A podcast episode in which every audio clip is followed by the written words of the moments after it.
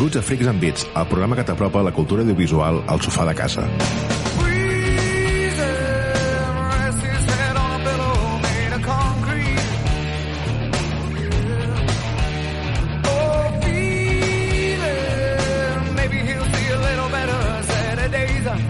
Avui, posant sobre la taula si ens compensa començar a fer cua per gastar-nos uns quants moniatos en la Xbox de Microsoft, som Pau Sabés, Bons i sònics dies. Néstor Sart, Spoiler alert, no. Bona tarda.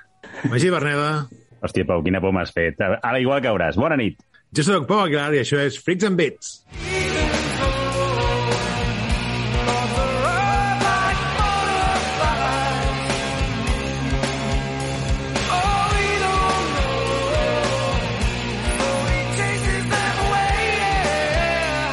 avui també tenim una sorpresa molt especial perquè ens torna a acompanyar el, el Manuel Osero, que és el jefazo de Final Boss Games. Hola, ¿qué tal? Encantado de, de estar aquí, gracias por, por invitarme de nuevo. Estava pendent i s'havia de... aqu- Aquella oferta, nosaltres ens dones la mà i t'agafem el braç, la mànica i, i mig cos. faci falta. Teníem un debat pendent amb el Manuel, però abans, per això, en Pau de Guerra.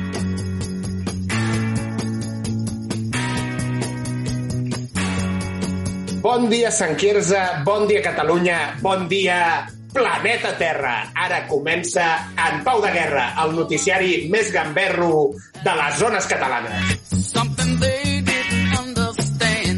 la producció del programa, el nostre expert en videojocs i autor d'un dels llibres més rellevants sobre el cinema de ciència-ficció de principis del segle XXI, sota el títol ¿Qué le voy a hacer si Matrix me la pone como la clavícula de un Transformer? Magí Bernet. A la direcció tenim a l'home més polivalent del sector de l'animació, autor del documental Spider-Man es muy chulo, pero a Tobey Maguire le pueden dar por el culo. Néstor Sar.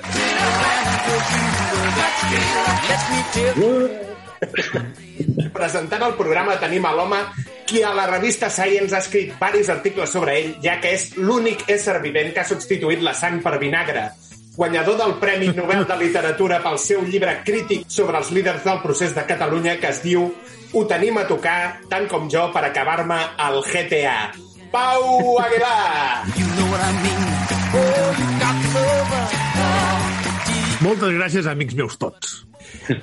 Avui també tenim un convidat molt especial, creador de jocs com Lumberjack, Mass Effect, GTA San Andreas o ET el videojuego, va ser qui va convèncer a Hideo Kojima que el tema ecologista estava de moda i havia de fer un joc on el dolent fos el petroli i hagués de caminar per anar a tot arreu. Finalment es van discutir amb Hideo per culpa del títol. Estaven entre Death Stranding, títol que volia Kojima, o el títol del Manuel que era Si Norman Ridus camina, tu te calla i lo asimila. La resta és història. Manuel Usero.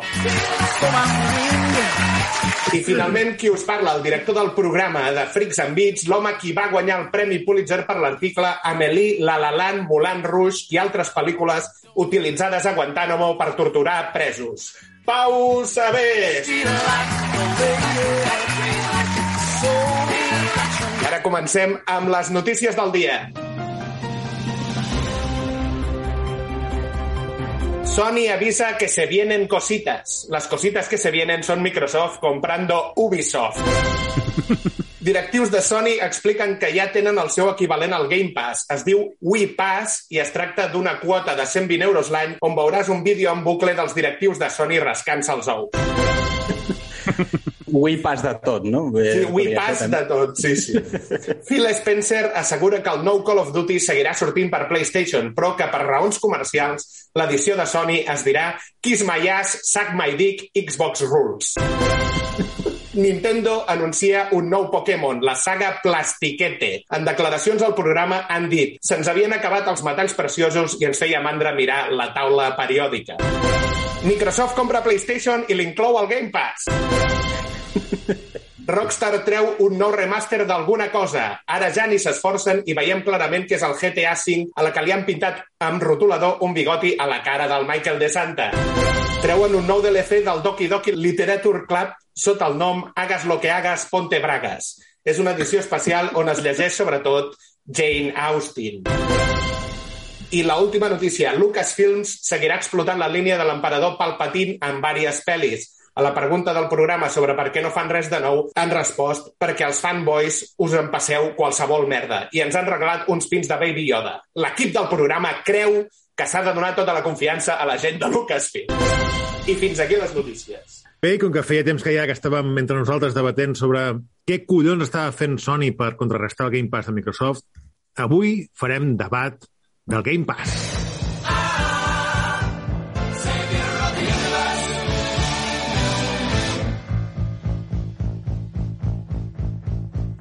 Game Pass.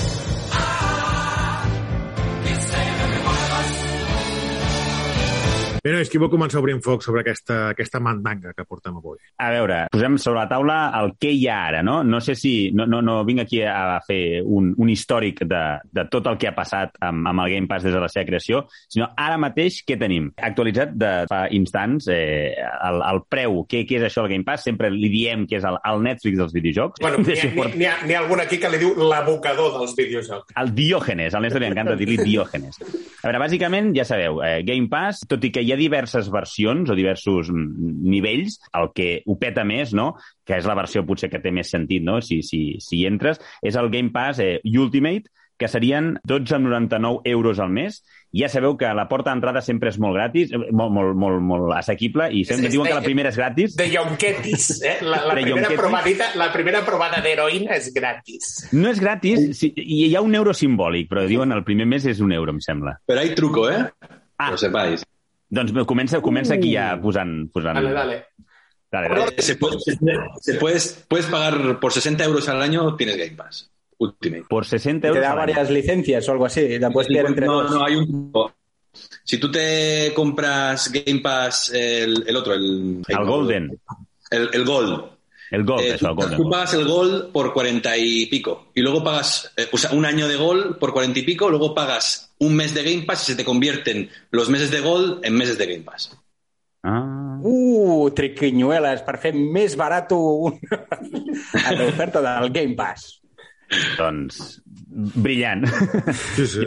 Però això no vull dir. sea, Microsoft o sea, no, es nada, no es nada ilegal. Microsoft te lo deja hacer, vaya, que no, que no vaya, no es- se puede. Pa- Posen més de relleu lo inútils que són els de Game Pass i com que no tenen cap tipus de reparo en crujir Sony a base de gastar molta pasta. A veure, Néstor. Espera, que aquí el, el Lolo tenia una teoria sobre això, però bueno, Magí, segueix explicant. Ah, A veure, aca a- acabo. O sigui, el, el, els motius de, de pes per, perquè un usuari de Xbox de Series o Xbox One, em sembla que té 60, mm, també tens accés al Ultimate, i sobretot PC, que també és la- l'alternativa, el preu aquest que comentàvem, i et diuen com a, com a promoció, bueno, promoció, la informació que donen és que són uns 100 jocs aproximadament que tens i tens accés.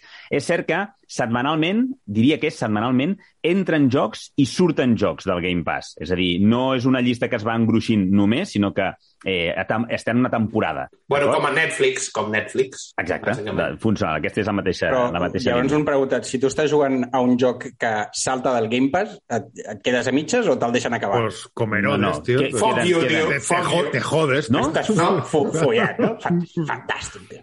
Sí, sí. Total, totalment, això. Com, com a mínim t'avisen una, una mica de temps No, no, home, perquè puguis fer un puix o no? Su suposo que sí, no? Jo ho desconec, això, si hi ha un En avís. las redes sociales, en las redes sociales Microsoft Ah. suele avisar qué juegos va a quitar y qué Ah. juegos va a Et deu arribar un newsletter d'aquests que et diu, escolta, D'aquí d'aquí 24 dos o tres mesos... tots aquests jocs, no?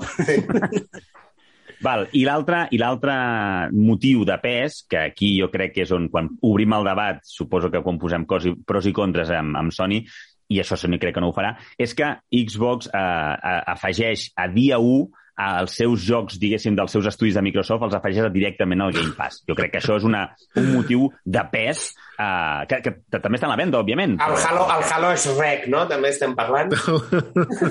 Sí. Jo, aquesta, aquesta. Cuando, La, cuando salga Starfield, no, reir- no tanto cuando salga Starfield. Ja, ja. Eh, Bueno, ja, m'interessa l'opinió que, que tens o que, que esperes d'aquest Starfield. No sé si... No, ja, ja en parlarem, potser eh, parlem primer del debat el que d'això, pros i contres d'això, però bueno, com, com ho veieu? Aquesta seria... Por el culo.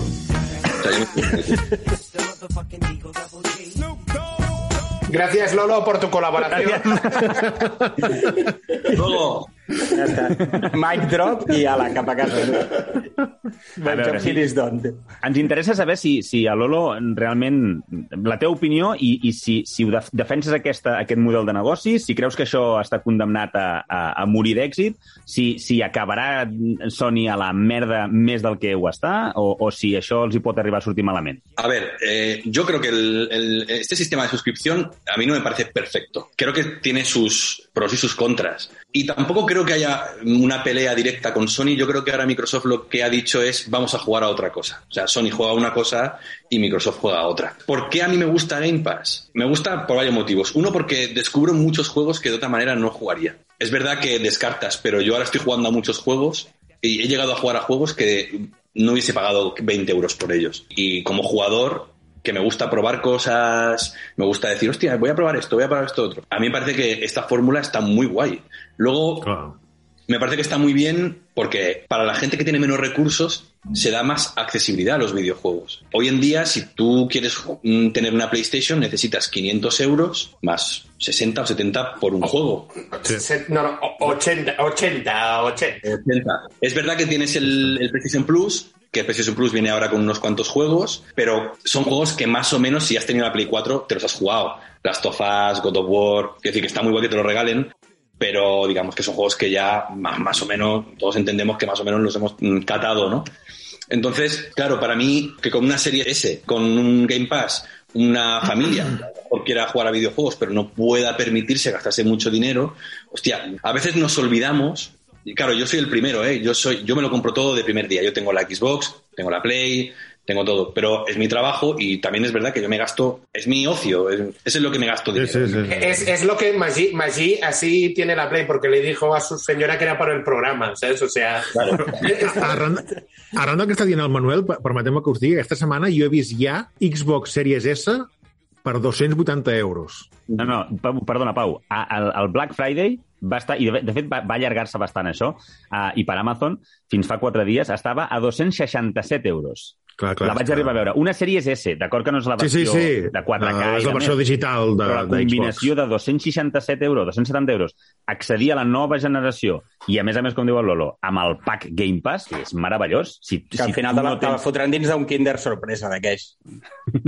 Xbox, Xbox da posibilidades, luego tú eliges, pero te las da. Eh, hay otras empresas que ni te las da. O sea, que Hace un escalado, no? o pasas No, i et, et, et permet provar els jocs sense cost addicional abans de, si, si t'agrada prou, comprar-te-la en físic, si vols. Exacto. Clar. Yo hay juegos Pasa, que yo- he probado en Game Pass y, y luego me lo he comprado en físico. He dicho, hostia, es que me, me flipa, ¿sabes? Y yo tengo una duda por eso. De todos esos que has probado, hay, hay muchos que los has dejado a medias, has, has probado un poco y tal, ¿los has acabado todos? O... Que va, que va. Muchísimos me los he dejado a medias. Muchos.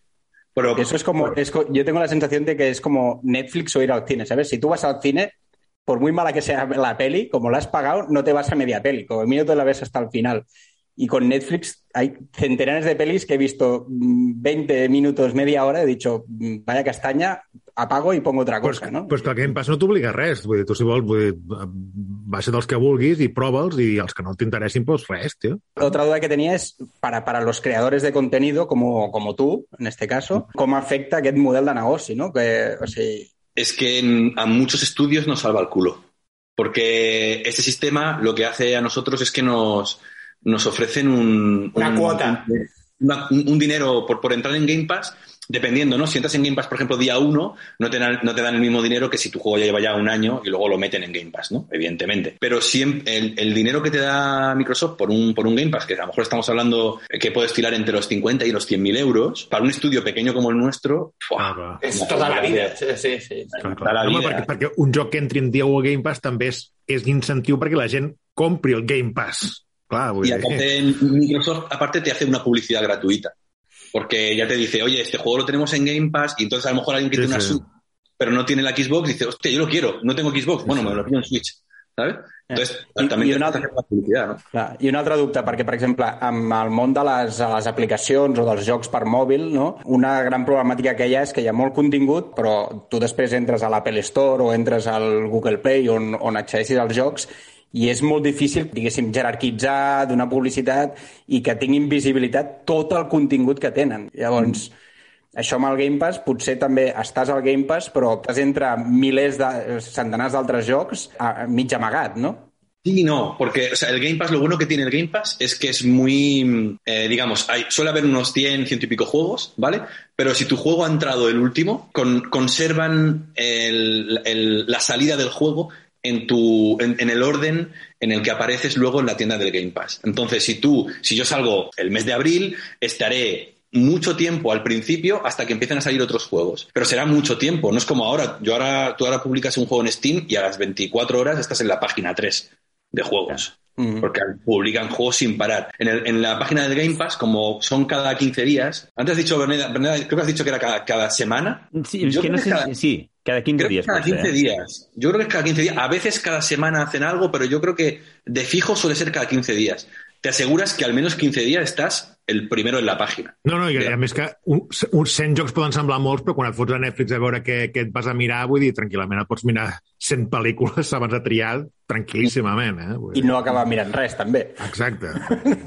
Però el, el que sí que confirmo el que comentava Lolo, per, per buscar aquesta informació, diguéssim, tenir-la el més actualitzada possible sobre el Game Pass, a la que entres a la pàgina web de, del Game Pass, a través del mòbil, per defecte, quan entres, cliques a jocs, els, els, eh, per defecte, l'ordre que et surt és les novetats. I hi havia ara aquí en primera posició el, el, aquest meravellós Extraction, que, ni, que cap de nosaltres jugarà. Bueno, el Pau potser sí que...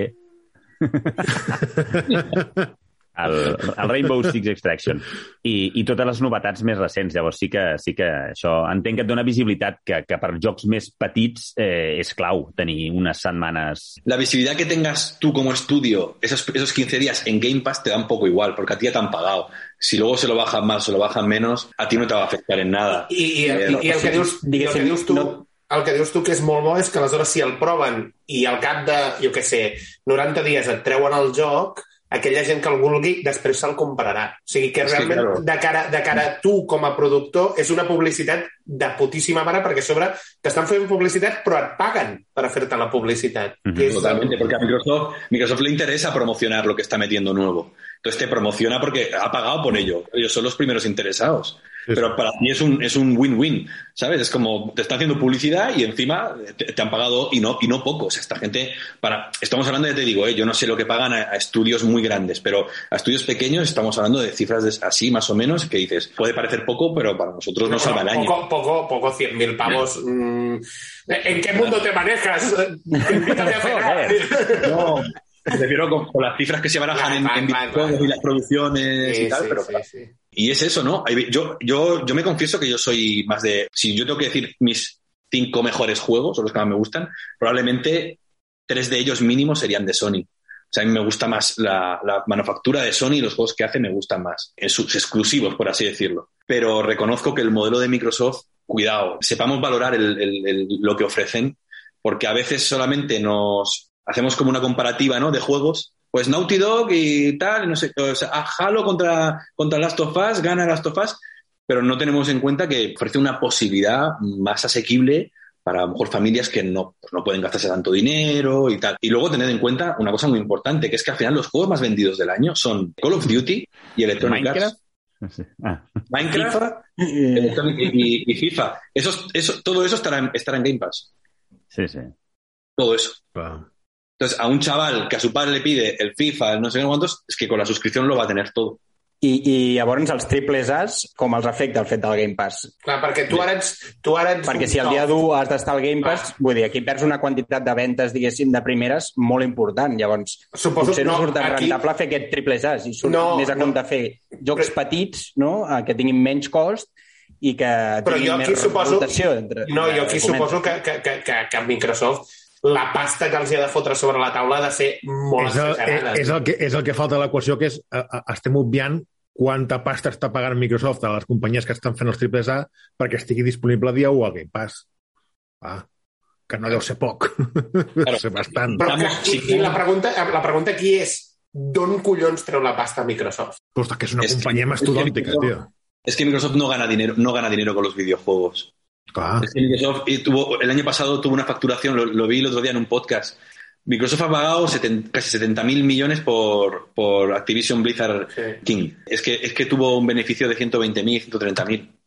y el año anterior más o menos lo mismo, y el anterior más o menos lo mismo. Es que Microsoft tiene músculo económico de sobra para comprar Llavors, només està to per tocar els palo- les pilotes a Sony, no? Bàsicament. Bueno, Microsoft, hasta, hasta el senyor Phil Spencer allà dient ¿Dónde, ¿Cómo puedo joder la marrana? Quin és el joc més venut de shooters?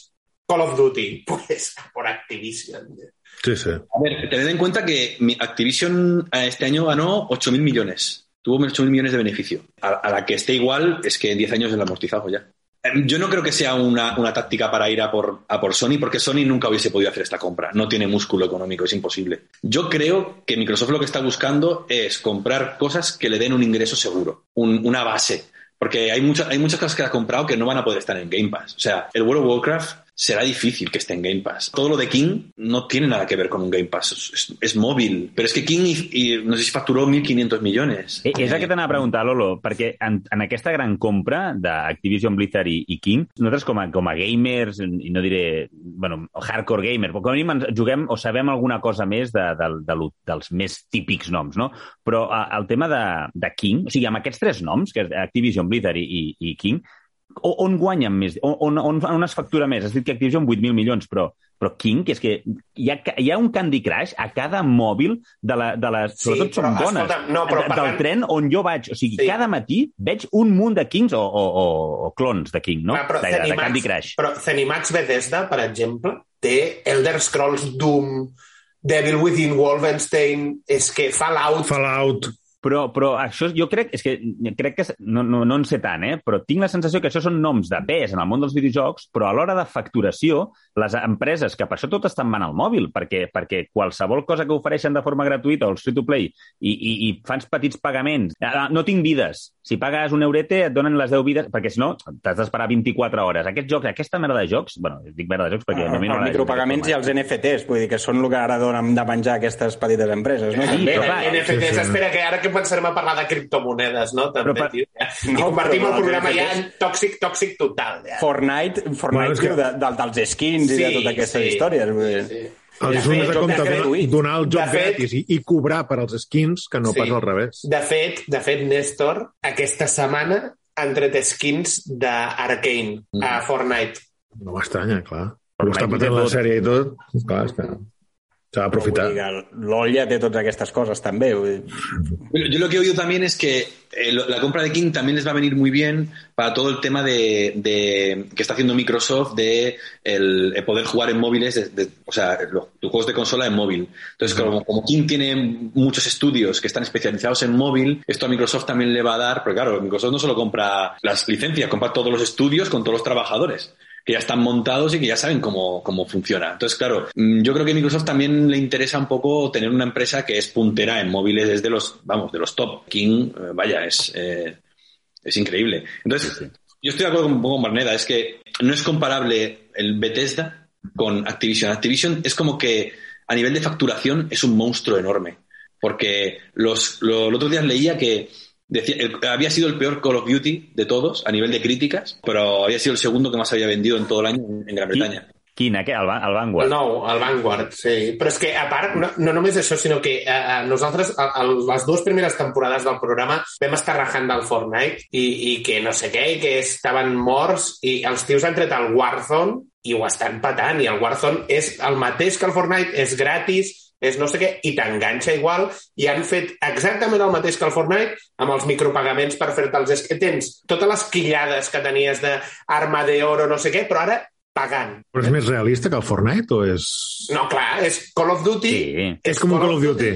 És Va, Call va, of Duty, sí. però com el Va, va, va. Fortnite. Els tios han dit, sí, pues, farem, no, no ens importa baixar-nos els pantalons, farem el mateix. I han fet el mateix. Un moment, pa Pau Aguilar, no has jugat al Warzone? No, no he jugat al Warzone. Això és que m'ha recordat molt el capítol del, del, de, de Padre Família quan, quan el Maguire no descobreix que no què, sap... què és internet, no, què és internet. No, no, que no sap que hi ha porno. Tan, tan, Porno tan- internet. Home, sí, tio, ets un puto fan del Call of Duty i tens Sí, un joc que shooter és m'agrada, free-to-play tio, i, sí. I no i és- el tens a la Play 4, vull dir No és, que... no és Maguire, és Pues. Quagmire. Ai, això, Maguire. Aquest és massa... Se me'n va la vessant romàntica a mi. Pues Eh, això, Doncs l'hauré de provar perquè a mi, a mi que els skins aquests m'importen una merda. Vull dir, doncs si prepara, no, no, prepara, prepara, prepara 120 gigas d'espai. Em vindiques i que, i que em facin pam-pam al cul nens de 13 anys, no, tio? Això, això també. Això ja, I que això ja passava de al Call of Duty. Que et diguin de tot. Afegeixo en el, en el nostre debat, que suposo que això no, no frenarà Game Pass, perquè som quatre matats els que ens mola el tema del físic, de les edicions físiques. Perquè un, per mi un dels problemes que hi ha amb el Game Pass és que tot el que t'estan oferint t'ho estan oferint en digital, òbviament, i, i a mi que m'agrada tenir aquells jocs que m'agrada o els llegeixo bona crítica i em ve de gust tenir en propietat, m'agrada tenir-los en físic. Llavors tinc la sensació aquesta que si ets fan dels videojocs amb, una, amb un punt de col·leccionisme, i el tema del Game Pass, sí, pots jugar molt, pots, pots catar moltes coses, però tens aquesta sensació de que dius, bueno, d'aquí de X dies o X mesos aquest joc ja no el tindràs. Que també et dic, eh? I sóc el primer defensor de, de jocs en, en físic, en format físic, però, però després, de tota la meva col·lecció, eh, crec que eh, hi ha un 1% dels jocs que tinc que he tornat a posar a la consola. I ja no et parlo de consoles de generació passada o, o dues anteriors. De vegades això et, ve, et pica el gussanillo i dius, va, fem un retro. A casa al Pau vam anar l'altre dia que tenia enxufada la Super Nintendo i, i si proves algun joc o la, o la NES 8 bits, fa gràcia, però, però de tots els jocs que tinc en físic no, en torno a, no els torno a posar. Però em fa Doncs il·lusió tenir la Ja col·lecció és, allà. ja, no? és hora, ja és hora de, de tornar a jugar al Max Payne 3. Tio, tio, remaster ja, tio. Ja prou, Doncs no, prou ja, remaster remasters. no, tio, sí, prou. Sí, tio, un remaster del Max Payne 3, tio. Hòstia. El fillo de puta. És que a mi, quan, quan em surt el portuguès, em surt el portuguès precisament del Call of Duty, del, del Favelas. I el mais correr todo lo que poda. Voldria preguntar-li al Lolo eh, si té alguna teoria més enllà del que s'ha dit eh, sobre què farà Sony. Això que parlaven d'aquest eh, Spartacus, que espero que no tingui aquest nom finalment, però parlaven de... de, Nom de, nom de gimnàs amb, dels 80, eh, tio? de gimnàs Spartacus. De barat. gim, gimnàs i sauna, no? Alhora. Sí, sí, sí. gimnàs i massatge. Tens, tens alguna, alguna teoria o... Pero o te refieres al- con respecto al- a, un sistema de suscripción, ¿te refieres? Sí, sí, deien de, de donar-li una vuelta de tuerca al seu sistema PlayStation Plus, A ver, que deien de fragmentar. Algo va a hacer seguro, porque ya nosotros ya estamos oyendo cositas. De na- nada, nada específico, pero ya sabemos que Sony está ahí haciendo run run. Algo, algo está planeando. Yo creo que será hará un, hará un Nintendo. ¿Sabes? Será algo decepcionante. és una merda. Ara un. Nintendo. Como algo decepcionante me gusta ya el concepto. o sea. No, no, bueno, Ni- Nintendo Online, està, tot, tot el tema online i, la, i com, que malament cuida la, la, la consola virtual que tenia molt guapa en, a la Wii, o a la Wii U, a, amb, amb la Switch estan desaprofitant, bueno, estan desaprofitant, no ho estan fent, eh? no, ningú ho entén, eh? Bueno, i, i van fent aquestes merdes a l'online i dels pocs jocs de la Super Nintendo, de la NES, i ara amb la Nintendo 64, i ho trobo ridícul, ridícul. Sí, sí, es eso, o sea, sin saber nada, porque nuestro- de hecho la última reunión que tuve con mi, con nuestro publisher, que es americano, yo le intenté sacar, oye, ¿sabéis algo y tal? Y nada, dijeron, no, no, no sabemos nada, no sé si me mentía o no, el, el AU, pero yo me temo que será algo un poco, pues alguna algún pack de juegos suyos, alguna cosilla, pero es que es muy difícil competir con él. O sea, para, para hacer un Game Pass tienes que estar dispuesto a querer perder dinero al principio. ¿sabes? Sí, sí. Y, y a Microsoft no le importa perder dinero, porque tapa, tapa agujeros. Y dice, bueno, que tenemos un agujero aquí, pues cogemos dinero de aquí y tapamos aquí. Y ya está, ¿sabes? Porque, porque no, no tenemos problema con esto. Y Sony, el Sony el problema que tiene es que la, su sección de videojuegos es la que le salva el culo. Porque las teles, los móviles y todo eso están, están flojeando, están de capa caída, claro. Entonces eh, a ellos, ellos lo que les salva el culo son los videojuegos. Entonces no sé hasta qué punto Pueden pueden una jugada de este calibre, intentar hacer algo tan, tan... A mi, a mi em fa por perquè... Ojalá, ¿eh? Yo por mí, ojalá. Yo, o sea, yo soy de los que piensa, yo, guerra de consolas, ninguna. Yo las tengo las dos y cuanto más facilidades me pongan para yo poder jugar más a menos dinero y a o sea, poniendo menos pasta y yo lo pueda, eh, digamos, me lo pueda mm, costear mejor, chico, yo adelante, o sea, ningún problema. Por eso digo que tampoco es menos, no me gusta menospreciar el Game Pass porque tiene un valor, coño, que está ahí, ¿sabes? Que, que poner esa- ese catálogo de juegos a, a, pongamos 120 euros al año, que yo no los pago, pero a 120 euros al año, joder, mm, también hay que, hay que, ¿sabes? Que, que no Sí. puede ser que Sí, sí, nosotros, nosotros rajamos porque somos unos putos muertos de hambre y esto es como... jo, jo, no també, jo també considero que, que, que aquesta batalla de consoles mm, acaba traient el millor de les dues, perquè les dues han de- s'han d'esforçar No, no. en treure On és, millor, on és el millor de Sony, Néstor? On és? Perquè jo no ho he vist. dir que- ¿Dónde está que jo lo vea? diu- La competència ens diu que sempre és bo, és bo que hi hagi dos grans companyies que competeixin per, per, per, per, per Si l'usuari. Microsoft acaba esclafant Sony, vull Però, dir... però, però el problema és que a Microsoft, usuaris de Sony estem esperant la reacció de Sony al Game Pass des de fa temps i no estem veient res.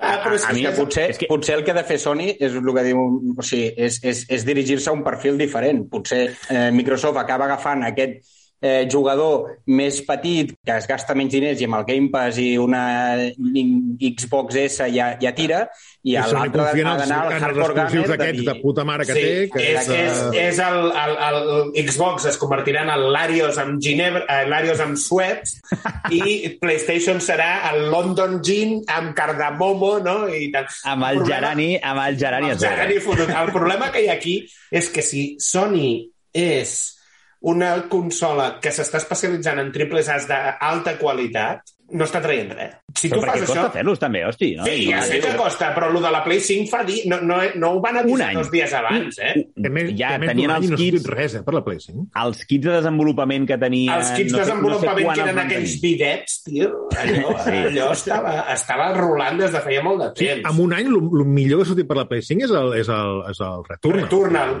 Clar. Però I el, i el, i el, i el, el problema del- gofres, dels- i el gofres en claques, tio, aquell. Però que el problema dels primers anys d'aquestes consoles és que estàs posant molts recursos en un joc per una consola que encara té poca gent. I Correcte. a més amb l'escassetat que hi ha hagut. Vull dir, O sigui, estàs fent una aposta molt gran, amb una gran inversió de diners, Sí. per un retorn petit. Vull dir que ja hem Però vist no, però que tu vols- sí. han tingut que fer retrocompatibilitats i els hi ha anat com els hi ha anat, Ja, però i tot el- aquest tipus de problemes. I Aquí això s'ha el sumat, producte. no, aquí s'ha sumat el problema de la falta de chips amb la producció de consoles, perquè si tu vols vendre consoles, agafes ara i et dic, Néstor, tinc l'Spider-Man 2 exclusiu PlayStation 5. No, I no el penso- 500 pavos per l'Spider-Man 2. vull dir. No, però hi haurà algú que sí que ho farà.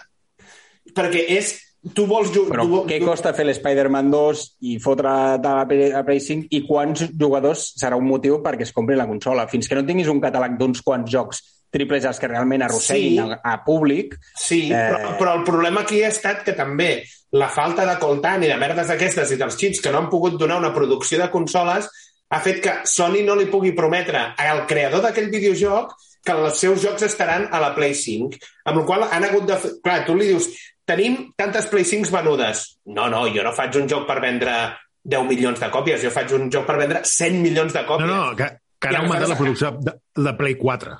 Clar, clar, Sí, clar, sí, clar. estan fent més Play 4. Clar, però per, per, perquè és tot aquest tema dels xips, i estan fent això perquè, Sí, sí. po- perquè el tema està en el fet de dir, vale, jo he fet, jo què sé, el, el Lumberjack, he fet el Lumberjack per Play 5, eh, doncs només me'n podràs vendre 10 exemplars. Ah, i si el faig per Play 4?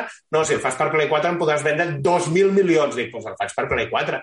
I què m'estàs dient per fer-lo per Play 5? I aquí és on perd la força, Sony. No pot fer però que aquest impàs passa amb cada generació. Aquest salt No, de perquè generació. hi havia, plays, hi havia Plays 4 suficients per vendre. Ara no hi ha suficients I Play 5. la Xbox s'ha pogut fabricar sense cap problema? Les noves Xbox? No hi ha hagut Las, problemes de... las S sí, las S sí, porque los componentes que tienen son componentes que son más, no, Mm, digamos, tienen más facilidad. Entonces, series S las puedes conseguir sin problema. Están en el MediaMark apiladas. ja, ja, apiladas. ja. Las, las X, entonces, son más problemáticas. Yo me he apuntado un par de cosillas que quería comentar. Ahí, con apuntes, bien, Bueno, bien. hablando de esto, a- eh, con respecto a lo que ha dicho Néstor, estoy bastante de acuerdo. El tema de las guerras de consolas, siem- yo creo que al final favorece. En, el sentido, en- entiéndeme lo que decir, no, con el, no el público, a mí la guerra de consolas me da igual, pero que una compañía apriete y quiera meter caña en el sector, eh, ayuda a que las otras digan, hey, cuidado, no me puedo relajar. Tenemos un ejemplo claro, no sé si os acordáis, 360. O sea, cuando llegó 360 fue, se comió a Sony, a, a Play 3 la, la tumbó. Y Sony dijo, toca hacer algo. Porque venía de la 2, que había sido, lo había petado, y la 3 se pegó una hostia. Y cuando llegó la 4 dijo, hey, me pongo aquí las pilas, compraron unos estudios third parties, empezaron ahí a hacer jueguitos guapos, y entonces yo creo que eso es fruto también de que Xbox con la 360 se mm, dijo, espérate, yo, yo tengo que hacer aquí algo. No, no puedo sacar una consola y ya está. Encima, la consola de Xbox, la primera, era, en fin, Luces, luces estaba muy rojas. guay. Estaba muy guay, me gustaban mucho los catálogos y tal, el primer Halo, muy guay, pero era una consola que era, no, me- no te cabía en el salón, o sea, era una cosa... Y bueno, yo creo que, que Microsoft se puso las pilas con 360 y se empezó a sacar este juegos japoneses para el mercado japonés, el, acordaos del Blue Dragon, acordaos del Lost Odyssey, estos juegos que antes eran impensable que, que- que Microsoft lo tuviera, ¿no? Y por una parte eso, yo te digo, yo creo que ahora mi- con lo que está haciendo Microsoft, yo intento ser optimista y pensar, bueno, espero que Sony diga, vamos a hacer algo, porque el sistema de suscripción de Sony es una mierda. A ver, estamos, estamos todos de acuerdo. O sea, no vale para nada. Te dan dos juegos, a veces alguno está bien y pagas por poder jugar multiplayer. Mm, y pagas, pues, no sé, son cua- 50 o 60 euros al año. A mí me parece un, hoy en día un, un sistema de suscripción muy pobre. Y yo creo que, bueno, eso, ¿no? Que, que puede hacer que Sony mm, se le diga, venga, va, Replantegi certes coses, sí, sí. Exacto. Tiene que hacer cositas, ¿no? Sí, sí. Y Luego, con respecto al Game Pass, claro, al final, la única diferencia entre, o sea, de entre, entre Microsoft y, y Sony son los exclusivos. Porque casi cualquier juego que ha tenido más o menos éxito termina pasando por Game Pass. Siempre. No falla. O sea, eh, me acuerdo que el Death Door no me lo compré y dije, estará en Game Pass. I el pam. Esta semana está en Game Pass. O sea, terminan pasando por Game Pass, porque, porque si no es ahora, es cuando el juego ya esté amortizado y haya hecho las ventas que tiene que hacer en, las primero- en los primeros meses, el Game Pass lo que hace es que te da un repunte. Aparte de que Microsoft te paga una pasta, te da un repunte. Ha pasado con, con Hollow Knight. Hollow Knight entró en Game Pass cuando ya Hollow Knight, bueno, bajó. Hollow Knight se vende como, como pan caliente. Pero supongo que Microsoft le sentó bien de pasta. Dijo, tomad, Hollow Knight aquí en Game Pass y tal. Entonces, claro, al final piensas, si solo por los exclusivos, chico, yo qué sé, ¿sabes? Si, si al final yo creo que si eres un jugador que tampoco eres muy, muy hardcore gamer, el- la, la Xbox me parece un- una, una solución más que digna. Ahora, yo, honestamente, si me preguntas, ¿tengo que elegir una? ¿Una? Yo es que cogería la Play. Como,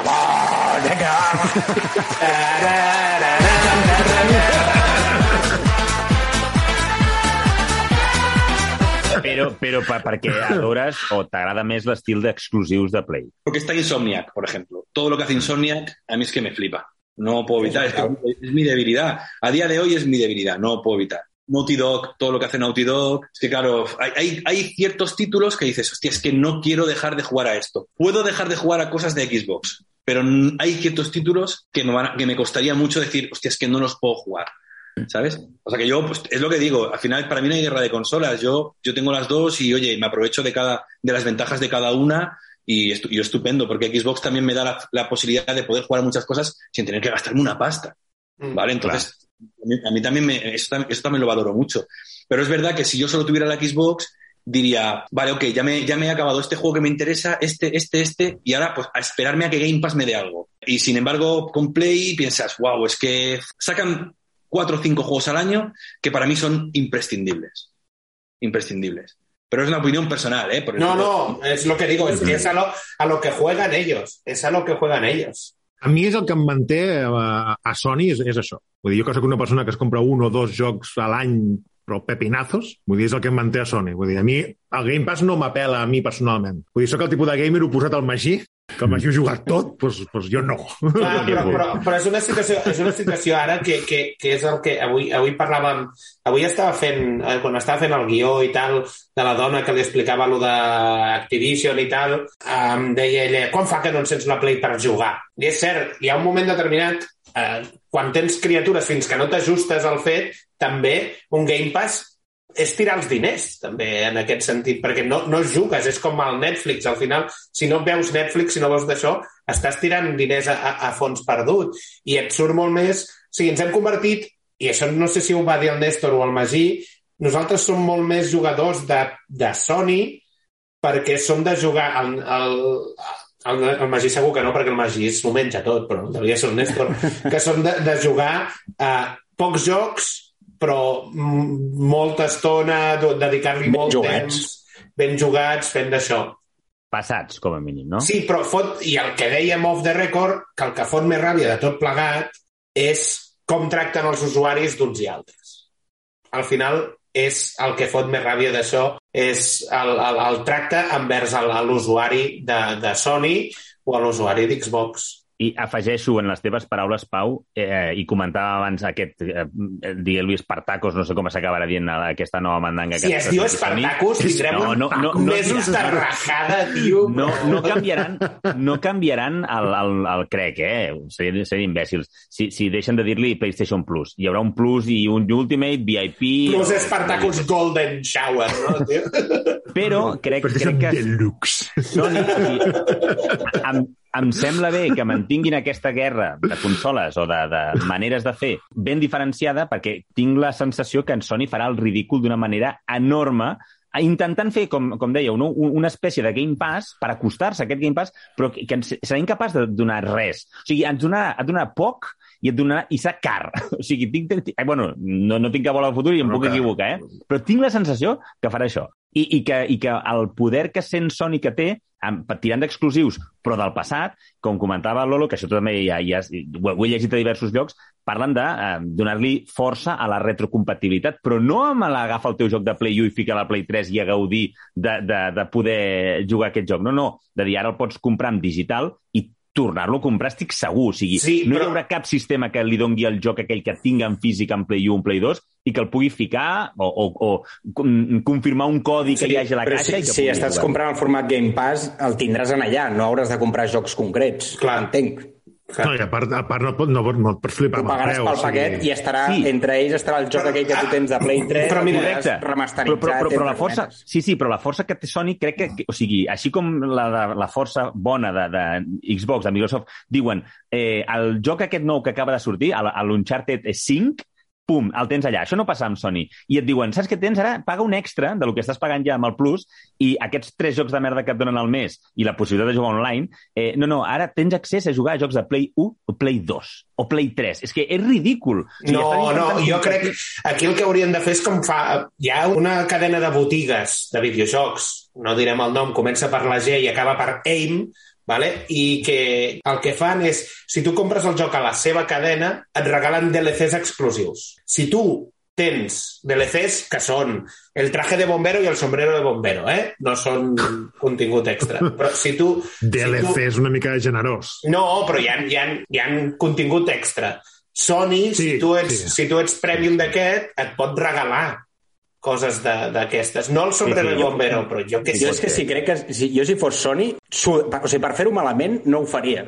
O sigui, agafaria aquests diners, me'ls estalviaria i els dedicaria a lo que sabem fer, no? que és fer correses sí. i fotre-li publicitat i fotre-li tal i, i, i fotre-li gas en aquí, perquè si, si vas a competir però vas a, sense creure tu, acabaràs fent una xapussa que a més els usuaris que ho comprin estaran decepcionats i, i no aniràs enlloc amb això. T'atacarà la teva marca i no guanyaràs cap batalla amb Microsoft en aquest camp. I lo del, i lo del de Starfield, com, com, com ho veus? Yo lo he dicho antes, yo por el culo. No, no. Lolo, és que sabeu de què estan parlant? Heu vist trailers? La, a- els, Jo no he els- vist res. Els tres, els tres amants del Mass Effect, aquest joc... He vist el que- de l'Esquadron. Diuen que serà una 46. meravella. I però, una el meravella. porten, però porten traient aquest trailer, el trailer, el trailer de l'Esquadron 46 aquest porta 3 anys penjat, Sí, sí. vale? amb la Gillian Anderson impersonada, Què fem que no hem reaccionat a aquest tràiler, tio, a la, a la tertúlia? perquè és com a... té olor de tio a The Division. Vale? Uh! Era, Que hi tu haurà veus el trailer, una baixada. Tu, tu veies el trailer aquell de The Division i deies uh! Uh! I posaves el joc i de Aquells trets al vidre, no? De, de, de, els del, trets al del vidre taxi. del cotxe, tio, i, i les rodes desinflant-se, i tu cobrint veient les vaines sortint. i- Hola, hola, hola, hola. No, no, era, era, era brutal. Era brutal aquell tràiler, hi, va, hi va haver un downgrade. Això va passar No. exactament el mateix amb Aliens Marines Coloniales. El, no, us ho explico. Aliens Marines Coloniales, el tràiler el fa Sega. I aleshores el joc li dona una companyia menor. Clar, tu veies el tràiler d'Aliens Marines Coloniales i deies mare de Doncs amb Déu, aquest títol ja la confiança ja no tindria que haver sigut molt alta, eh? però sí, hi ha, hi ha hagut jocs d'Alien vs Predator previs que eren molt bons. Era, era un gran joc. I vas comprar el joc, i vaig anar a comprar el joc i els de la Game em van dir sí, seguro? Sí, que... Te doy, te doy- te doy 50 euros y te lo llevas. sí, sí, sí. Mira, com, com el Game Pass. Com el Game Pass, exacte. I vaig anar, i, i clar, jo havia vist el tràiler i anava allà a comprar el joc en plan, Dios, dona'm aquest joc, que és Aliens! I sí, complia amb el sol, la resta era tan lamentable, però, però Hòstia. clar, per això dic que aquests tràilers, tu que, tu que no vols veure tràilers, no vols veure històries, agafem-los amb pinces. Pero en, en el, el Starfield no enseñan tampoco nada del otro mundo, ¿no? O sea, el, el- lo último que enseñaron del Starfield era la tía en la nave con la fecha de la salida, el 11 Pero- del 11. Sí, però se, es veu molt bé, es veu molt bé i Sí, pero de ese tipo de juegos de Bethesda, a mí lo técnico no me preocupa cero. Es que Bethesda nunca ha hecho juegos técnicamente especialmente buenos. O sea, eh, Bethesda lo que tiene es que hace juegos eh, con, un- con una, una- una carga de guion, de historia, un, una- un- bueno, o sea, que Ay. yo quiero un, yo quiero un, yo quiero un, un por así, por decirlo rápido y mal, yo quiero un Skyrim del espacio, joder. Quiero un Skyrim. Que es Això és lo el que quiero. acabo de veure que ho- el, el director del joc ho va definir així. Skyrim a l'espai. A, mi, jo, a, a mi això ja em fot una trampada brutal. Pues és, saps què és Bethesda? Sí. I saps on està Bethesda? A Microsoft. Ja, però com que jo No, també però- soc un PC, doncs... clar, Vaya, quina rata, tio. Yo creo que con, con permiso de, del Elden Ring es Goti. Ojo. Sí. Uh, queda registrat, eh? Aposta, A- a veure- aposta, a veure com aposta surt. a, a finals de gener ja, eh? Això va fort, eh? Pero es que Elden Ring también, cuidado. I, i jo ara, Lolo, ara que es dius jocs i abans parlaves de los... mm, Has dit 4 o 5 juegos de Sony que són mm, claves, no? O molt bons que treuen l'any. Quins jocs esperes de, de Play 5 aquest any amb moltes ganes? Faig la trampeta i et dic Play 5. Jo et dic un. Només a- ja et dic només un, a. Play 5. Ja et dic un, jo. A ver. Lumberjack. Dame. Porque estoy hasta los huevos de jugar ese juego ya. A ver, yo, sin ir más lejos, el Horizon eh, me parece que es cuidadito con ese juego que tiene una pinta increíble. Ah, jo aquí, per- perdona, ja que fas, faig un petit Pero- l'Horizon. no, no, pero no Eh, será bueno porque la mujer la No, ha no, no, no. convertido en más redonda y ya no es sexy, ya no me puedo pajear en el baño pensando en la de Horizon. Deix, deixa, deixa els imbècils. No, però eh, tinc moltes ganes de veure la comparativa, aviam què han pogut arribar a fer en Play 5 i com s'arriba a veure en Play 4. A mi aquest sí que em fa por, però per això et deia Play 5, perquè aquest també està en Play 4. Jo, vale, segueix. Este sí, te lo sumo. Yo, yo- yo, suponiendo que lo que, he lo que se ha visto en vídeos, eh, do- doy por hecho que eso es una Play 5. Yo no me creo que Segur. eso- O sea, Segur. porque no, no tiene sentido, vamos. O sea, me parece gráficamente de lo mejorcito. O sea, no he visto nada gráficamente igual el- a, a- a día de hoy. Me parece increíble. Si se mantiene la calidad gráfica, me parece increíble. Luego, God of War, si es que sale este año, porque no se sabe, pero God of War también es, para mí es un gran esperado. Me, Ujú. me jugué el 1 no hace mucho y, y- y no me parece un juego perfecto, tiene sus problemas para mí, pero, pero bueno, es verdad que, que lo disfruté mucho. Y claro, em, no sé si Insomniac este año metía algo ya en el catálogo. Perdonadme. El por- Wolverine jo diria que no és per aquest No, per no això. crec, no? Ni a l'Spider-Man ni al Wolverine, que són els Ni- dos amb els que estan treballant, no? Spider-Man 2 i el Wolverine, sí. A tu, els jocs de cotxes, Lolo, t'agrada? El Gran Turismo 7? Mm, Es No. que me dan un poco igual. Mira, me, me, bajé- me jugué el Forza porque estaba en Game Pass. Y Sí. es verdad que jugué un poquillo y me pareció, pero es que a mí los juegos de coches me cansan enseguida. Es como, Sí. ya, bueno, está bien, pero no. Y- Ahí, ahí, ¿no? respect, respect al Lolo. Sí, sí. Y, y lo, que sí que, lo que sí que me decepciona mucho es el rumbo que parece que está tomando Naughty Dog. Que estamos con mucha remasterizado, mucho multiplayer de no sé qué, y no parece que estén enseñando nada nuevo que vaya a salir. Y me tienen un poco mosca, porque yo siempre, desde, joder, es que cuando salió el, el Last of Us 2, Aquest Ah. estiu, no l'altre, no? sí, ¿no? sí, Diré que sí. sí. No sabemos nada. Y, y- El primer es en verano 2020, casi, sí, 2020. Sí. Claro, si no supiéramos 19, nada. 19 de juny del 20. No, si no supiéramos nada, absolutamente nada, te diría, bueno, están cociendo algo. Pero es que como ahora, te, ahora nos, van, nos venden que nos meten el multiplayer del no sé qué, tal. Y dices, hostia, están trabajando en estas mierdas, que a mí honestamente me la suda bastante. Y joder, y... I el nou remaster de l'1, que estaven fent un segon Claro, remaster del, de les están Thomas haciendo, están haciendo un rockstar. Están haciendo un rockstar. Sí, sí, sí, sí. Perquè el Però legado, clar, si la de gent los ho compra, ladrones, clar, el clar. legado de los ladrones, o sigui, que et fotin anar per versió Play 5, Sí, el, sí, el, sí. el Legacy i el 4, que, que sí que són bons jocs, però és el que tu dius, o sigui, volem mandanga nova. Ahora sí, no sé si lo- los que te compras, cuando te compras la Play 5, te, con el PlayStation Plus, te- lo que he dicho antes, te vienen un montón de juegos. Son 15, creo que son 15. Son 15, sí. Está, que está muy guay, ¿eh? Ujú. Pero es que son juegos que, que el 80% un usuario de Play 4 ya se lo ha jugado. Porque Sí. Está muy guay que te lo regalen, ¿eh? Pero es como, vale, ok, yo qué sé. Vale, no tengo que meter el disco. Pues Et me torno a lo bajo. jugar, no? Ya está. Pero es eso, eh, mm, espero ahí un poquillo y tal. Pero bueno, yo, es lo que digo, yo, y, y también espero a ver eh, Media Molecule, que yo soy especialmente Insomniac y Media Molecule, para mí son mi- como mis dos estudios favoritos. A ver qué sacan, porque el Dreams, bueno, no me hizo mucho y espero que salgan algún, Un nou- Sackboy, un Sackboy, un Little Little Planet, Sí. alguna cosilla. Va ser tu, no, que vas comentar que el Sackboy va ser platino o... El único platino que tengo de la Play. El Eh, et, vas, et vas poder passar la merda... L'única cosa que em falta són les proves del el Caballero de la... Todas seguidas. La, les Sí, sí. seguides. Caballero de la punzada. el de la, de la puntada. Hòstia, però Claro, eh, la- has de fer, has de fer un, time, un time attack, o sigui, passar-te tota la combinació de, de proves que et vas passant, són 15 proves, doncs la setzena és totes les proves que et duren un minut i mig, dos, que tens com, com allò, has d'anar a tope, has d'anar rapidíssim i esquivant-ho tot. Doncs les has de fer seguides, tio. Dic, a veure, estan bojos o què? Esto sí, tu, tu has dedicat temps i tu has passat. Així, Es que si no, no te, no te daban el platino, sino Ja, ja, clar, clar, clar. una semana tarde más o menos. Com es deia aquell joc que era així com retro de monstres de l'espai? Arc Riders. Ark Ah. Friend. Clar, jo Aquest, a, estava mi, a, pensant... mi, a mi aquest m'ha enamorat. El tràiler Sí. l'he tornat a veure Sí. alguna altra vegada perquè és de, dels millors trailers que mai he vist. M'ha encantat la música. A part, aquests, a part de tots aquests jocs que ha dit ell, hi ha el Callisto Protocol, que és dels creadors del Dead Space, que hem vist un tràiler llollero, però és el que dèiem, és un tràiler footage que no sabem com serà el joc. El Avatar, també, que també vam veure aquella merda.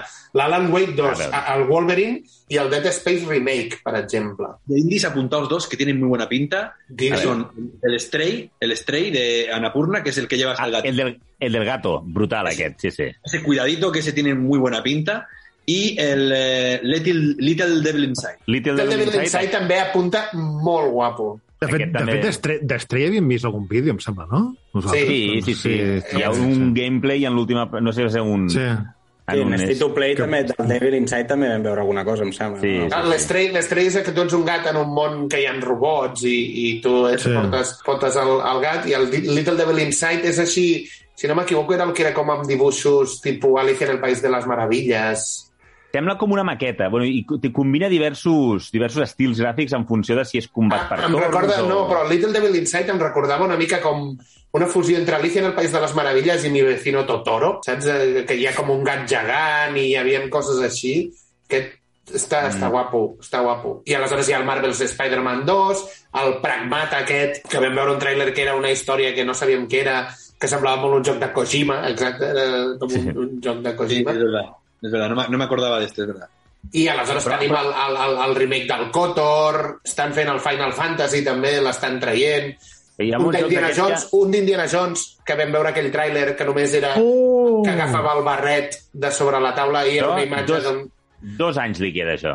I l'altre que era de ser també, també era un de James Bond Project, bueno, 007 Project, que aquest també a saber quan... És que tenen una mandanga per poder fer jocs de puta mare, tio, és que no... Que no...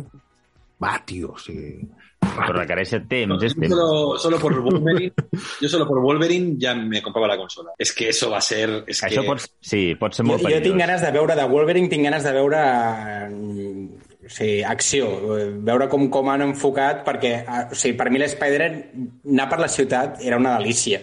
I sense les taranyines jo em genera de Una- dubtes. una de que, motillo, l'acció Pot ser molt guapo, sí, però la motillo no serà el mateix feeling, perquè la motillo has d'anar pels carrers, pot ser bastant més tediós. Sé, potser ho han fet molt fi i... Eh, T'has d'anar millorant la moto i al principi vas amb una, amb una 50. Amb una, amb una vària. no, però com el Wolverine és un rednet, t'aniràs amb, amb, amb una pick-up de puta mare, tio, pel mig de la ciutat, tipus Grand Theft Auto. Un monster aleshores- truck, no?, que passa per sobre de tots els cotxes, no? Ah, Deixeu-me preguntar, ara que hem aparcat una mica el debat de Game Pass, eh, i estem encara en nova generació. Deixeu-me preguntar-li al Lolo per les vivències que has tingut amb el... Amb, eh, si ho has provat, suposo que sí, allò del Matrix Experience, amb l'Unreal l'Unreal 5, Unreal, Unreal 4? Sí. 5, 5, crec que 5, Unreal 5, 5. Sí, sí, sí, sí, sí. Què t'ha semblat? Yo no lo he probado, lo he visto, eh, lo he visto, pero no lo he probado, no lo he probado. Pero yo es que solo escucho cosas buenas. Es que un Real 5, ¡buah! ¿Sabes lo que pasa? Que nosotros, como no trabajamos con un Real, pues me daba mucha pereza tener que bajarme el motor, tal, probar. No, no, però clar, no, no parlo com a, com a developer, o sigui, Clar, la, la demo, la demo de Play 5... l'Amberjack No, no, no, no, no, no, pero no, no lo he probado, no lo he probado. Pero he visto, he visto vídeos, he visto gente y tal, y uf, tiene una pinta eso que no tiene ningún sentido. También te digo, esto, cuidado que estos son de estas cosas que te las presentan como, mira lo que se puede hacer, pero luego esto, luego cuando haces un videojuego, eh, tienes que tener en cuenta tantas cosas que luego hay, Apliques el 20%, no? Ja, ja. hay que cortar, hay que cortar y esto no va bien, Claro. y esto no sé qué. Cuando, cuando todo lo haces tan cerradito y tan cinemático, es mucho más fácil lucirte, ¿sabes? Como cuando ves una cinemática de, de, de Last of Us, ¿no? Y tal, que todo está más- como más cerradito y se... Però, però, més enllà, però més enllà de l'escena del, del tiroteig, hi ha el moure's per la ciutat, que sí que és cert que no hi ha molta Sí. acció a fer, eh? Però això és el que allò- explicaven, és el que explicaven del, de l'Horizon primer, que la manera Sí, sí, sí. de carregar-ho tot és que l'únic que estàs veient és l'únic que s'està carregant, no? Mm. I el, el, el, el, perquè si no, no pots moure tota aquella... Darrere, darrere, darrere es veu en Play 1, no? Sí. Darrere és la nada, tio. Si gira ràpid, no? Play you. Sí, esto en videojuegos se llama hacer lots, que es que tú haces un modelo en alta, ahí súper guapo, y luego haces, ese modelo tiene un modelo un poquito más, con menos polígonos, textura más Un poquito pequeña. más tal, suave, luego- com diu, la cançó, no? Un poquito Exacto. más Y suave. luego, tienes, y luego tienes otro que es, es prácticamente low poly, para cuando lo ves de muy lejos. Entonces funciona por distancia. Eso pasa mucho en el Assassin's Creed. Cuando juegas a decir que veis que las cosas hacen, pop, Pop, pop, el aparecen. Te, redefineixen, no?, a que t'acostes. No? Eso es, el Sí, popping sí. que llamamos nosotros, ¿no? Entonces, Sí. es el, eh, eh, eso, bueno, eso es, es una, una, una, una cosa que se hace en videojuegos muy común porque no puedes cargar escenarios enteros con todo porque no, no, no da. Por muy, por muy Play 5 y X, Series X, no, no da. Molt bé, fins aquí el nostre debat barra tertúlia sobre el Game Pass. I ara, Manuel, parla'ns una mica de lo teu. Sí, ya que te invitamos un poco de autobombo. ¿Tenemos ya fecha o no tenemos fecha? No, no tenemos fecha. Probablemente nos vayamos a abril, mayo de, de este año ya. Estem parlant del Lumberjack, eh? Perquè Lumberjack, no ho sí. sàpiga. Lumberjack. Seguimos trabajando, seguimos trabajando en Lumberjack, el, el, el oso leñador y sus amigos los animales. Leñadoso. Oh! Leñadoso. Y bueno, eso, salimos, yo creo que saldremos para segundo trimestre, finales igual de segundo trimestre de este año. Y de momento es un poco en donde estamos centrando nuestras energías. No tenemos previsto de momento nada más, así que bueno. En el momento en que se publique, ahí venía mi pregunta, en el momento en que se publique, ¿cuánto tiempo vas a estar rascándote los huevos? O sea, vas a decir, vale, hasta aquí, ¿y cuándo vas a empezar una nueva, una nueva, un nuevo proyecto? Aventura. Sí. A, a mí me gustaría pegarme un par de meses, la verdad. Y, y De- será- D'agafar idees, no? D'agafar idees, provar coses i... Y, y terminarme todo lo del Game Pass, que es... que- porque que van a, ser, es- van a ser dos meses de rascada de huevos, total. Es, es hasta aquí. claro. Claro, claro. Mi intención cuando hago esto, mi intención es, hombre, sí que, sí que piensas en otras cosas, pero de una manera mucho más lúdica, sin mucha presión, sin tener que estar ocho horas sentado y tal. Sí que habría, habrá que hacer algo así para no estar dos meses sin, sin nada y luego tal. Pero sí que me gusta descansar y tal, porque son, son desarrollos largos. eh, nos, nos habremos ido a dos años de desarrollo y, bueno, siempre al equipo y a la gente que trabaja siempre, siempre sienta bien eh, un descansito largo. Lolo, el- mm, Lumberjack, dia 1 al Game Pass? No podemos decir nada. Ui! Uh! Tos, Magí, Solo, aquí. solo digo que se están cociendo cosas. Estamos hablando, pero no se ve. Se vienen No. cositas. Però el que està clar és que els del PlayStation Plus no han trucat a la teva porta. Això segur. Bueno, Ojo, ¿eh? bueno. ¡Oh! ¿Qué dices? Bueno, tú- Spartacus, tío, el socio número uno de Spartacus. Tu- Lolo, tu avisa'm si, si hi ha versió física, eh? Això ja saps que m'interessa. Eso nos gustaría mucho, pero bueno, irá más. Ja vas dir que a poc a poc. Ya- ya dependerá mucho también de cómo funcione el juego. Y con lo que, lo que has dicho de Sony, bueno, no descarto nada. Ahí lo dejo. Atenció! No, bé. Molt bé, abans d'acabar el programa, per això, videojocs de paraules, amb Magí Berneda.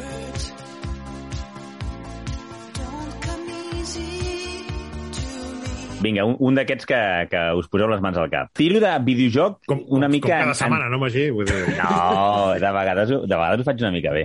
Els meus minions ho fan bé. sí, Aquest, aquest no, aquest és meu, eh? eh videojoc que, que es remunta a un, un, uns anys enrere hem d'anar. Sobre el taló i es veu a una tia que en fer-se fosc se li hipermusculen els pits. Nom del videojoc? The Need for els pits. Mare de Déu. Terrible, oi? No, tio, és dels millors que has dit, Magí. No hi ha pinces, no hi ha pinces al món que No hi ha puguin prou agafar. pinces. Tenim fort dels pits, tio. És De nit per dos brillant, tio. pits. És brillant! Oh, boníssim, boníssim. Però és teu, Magí, aquest? És meu, és meu. Us prometo que aquest el tinc escrit. Em sembla que Magí, és de el teu és el... Bueno, segurament sigui el millor. No, En sèrio, tio? no, no. Però Agosto Tsushima imita el Era el Magí aquest també? Sí, sí, sí. Sí, sí, sí. Agosto Ah, val, val, val. imita el Gigasoli. Us no, llavors, el, per, per mi Agosto Tsushima segueix sent el preferit. Per mi. És, és brillant. Perquè ho la, la, la fullada mental que has de fer per arribar allà... Però us prometo que aquest, aquest el tenia a la recàmera, diria que va ser el segon o el tercer que hauria tenir escrit. Hòstia. Però sempre em dic, no, no, no és bo, no és bo, busco un altre. Hòstia, que guai, no en tenia cap pensat. Dic, hòstia, aquesta merda que no, no, no, avui no tenia videojocs de paraules. Pues del, dels millors per mi. Bé, ara sí, fins aquí el programa d'avui. Moltes gràcies per això al, al Manuel Ocero per acompanyar-nos un dia més. Muchas gracias a, a vosotros por invitarme y, joder, un placer siempre eh, estar con vosotros, que me cuidáis súper bien y de puta madre. Home, és que hi ha aportacions de qualitat aquí. Sí, eh, es nota, es nota. Sí, sí. Algú, algú del Puja- sector... puja el nivell. Sí, que ressalta, ressalta sí, la merma, tio. Quan poses algú tan brillant al costat, ens ressalta la merma a nosaltres. Gràcies també, Pau Sabés, Gràcies i bon dia. Néstor Sart, Gràcies, bona tarda. Magí Berneda Gràcies i bona nit. I un servidor, Pau Aguilar. Us recordo que ens podeu escoltar a Ràdio Sant Quirze els dimarts a les 10 de la nit, a Iscla 359 dijous a les 10 de la nit, a plataformes digitals com iVox, Podimo o iTunes, i també ens podeu trobar a les nostres xarxes socials, a Twitter i a Instagram, arroba freaksbeats. I recordeu també que eh, no sabem encara si dijous, divendres, encara no tenim el dia fixat, però que un cop a la setmana estarem amb vosaltres a Twitch. Fins la propera.